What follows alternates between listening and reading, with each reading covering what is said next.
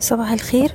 الرؤية الفنية لشركة الأهلي فاروس لتداول الأوراق المالية 13 أكتوبر 2021 امبارح للجلسة السادسة على التوالي المؤشر بيواصل الارتفاع وصلنا لمستوى العشرة آلاف وتمنمية لكن أحجام التداول ما زالت منخفضة بشكل كبير.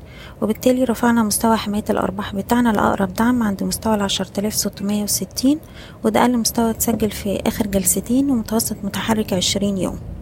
طول ما إحنا فوق ستمية وستين هيبقى في احتمالية ان إحنا نكمل الارتفاع ونوصل لمستهدفنا التاني حوالين عشرة آلاف تسعمية وخمسين ودي منطقة مقاومة مهمة جدا وارد يحصل من عندها تهدئة. بالنسبة للأسهم اللي هنتكلم عليها النهاردة هي سهم البنك التجاري الدولي سويدي الكابلات مدينة نصر كريدي أجريكول القلعة عز بورسلين والنساجون السهم التجاري الدولي وصل لمستهدفنا التاني حول مستوى الخمسة وأربعين عشرين ودي منطقة جني أرباح جيدة. أقرب دعم عندنا دلوقتي تلاتة وأربعين ونص.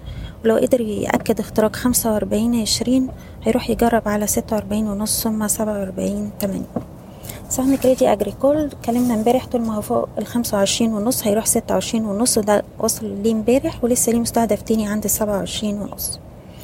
السهم السويدي اتكلمنا عليه امبارح قلنا طول ما إحنا فوق السبعة جنيه خمسة وتمانين هنروح نجرب على التمانية تمانين تسعة جنيه. مدينة نصر السهم بيتحرك حوالي تلات أسابيع فوق مستوى الاتنين جنيه ستين دي منطقة تجميع جيدة ومن هنا ممكن نروح نتست على منطقة الاتنين سبعين ثم الاتنين جنيه تسعين قرش. سهم القلعة آه عنده جنيه سبعتاشر اتكلمنا عليها بداية الأسبوع امبارح قدر يقفل فوقيها آه لو قدر يأكد الثبات فوق الجنيه سبعتاشر يروح يجرب على الجنيه وربع.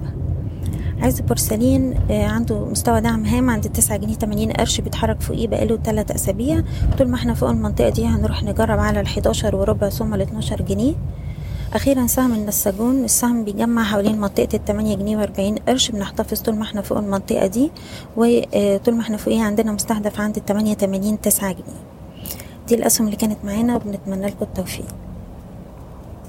إيضاح الشركة غير مسؤولة عن أي قرارات استثمارية يتم اتخاذها بناء على هذا التقرير.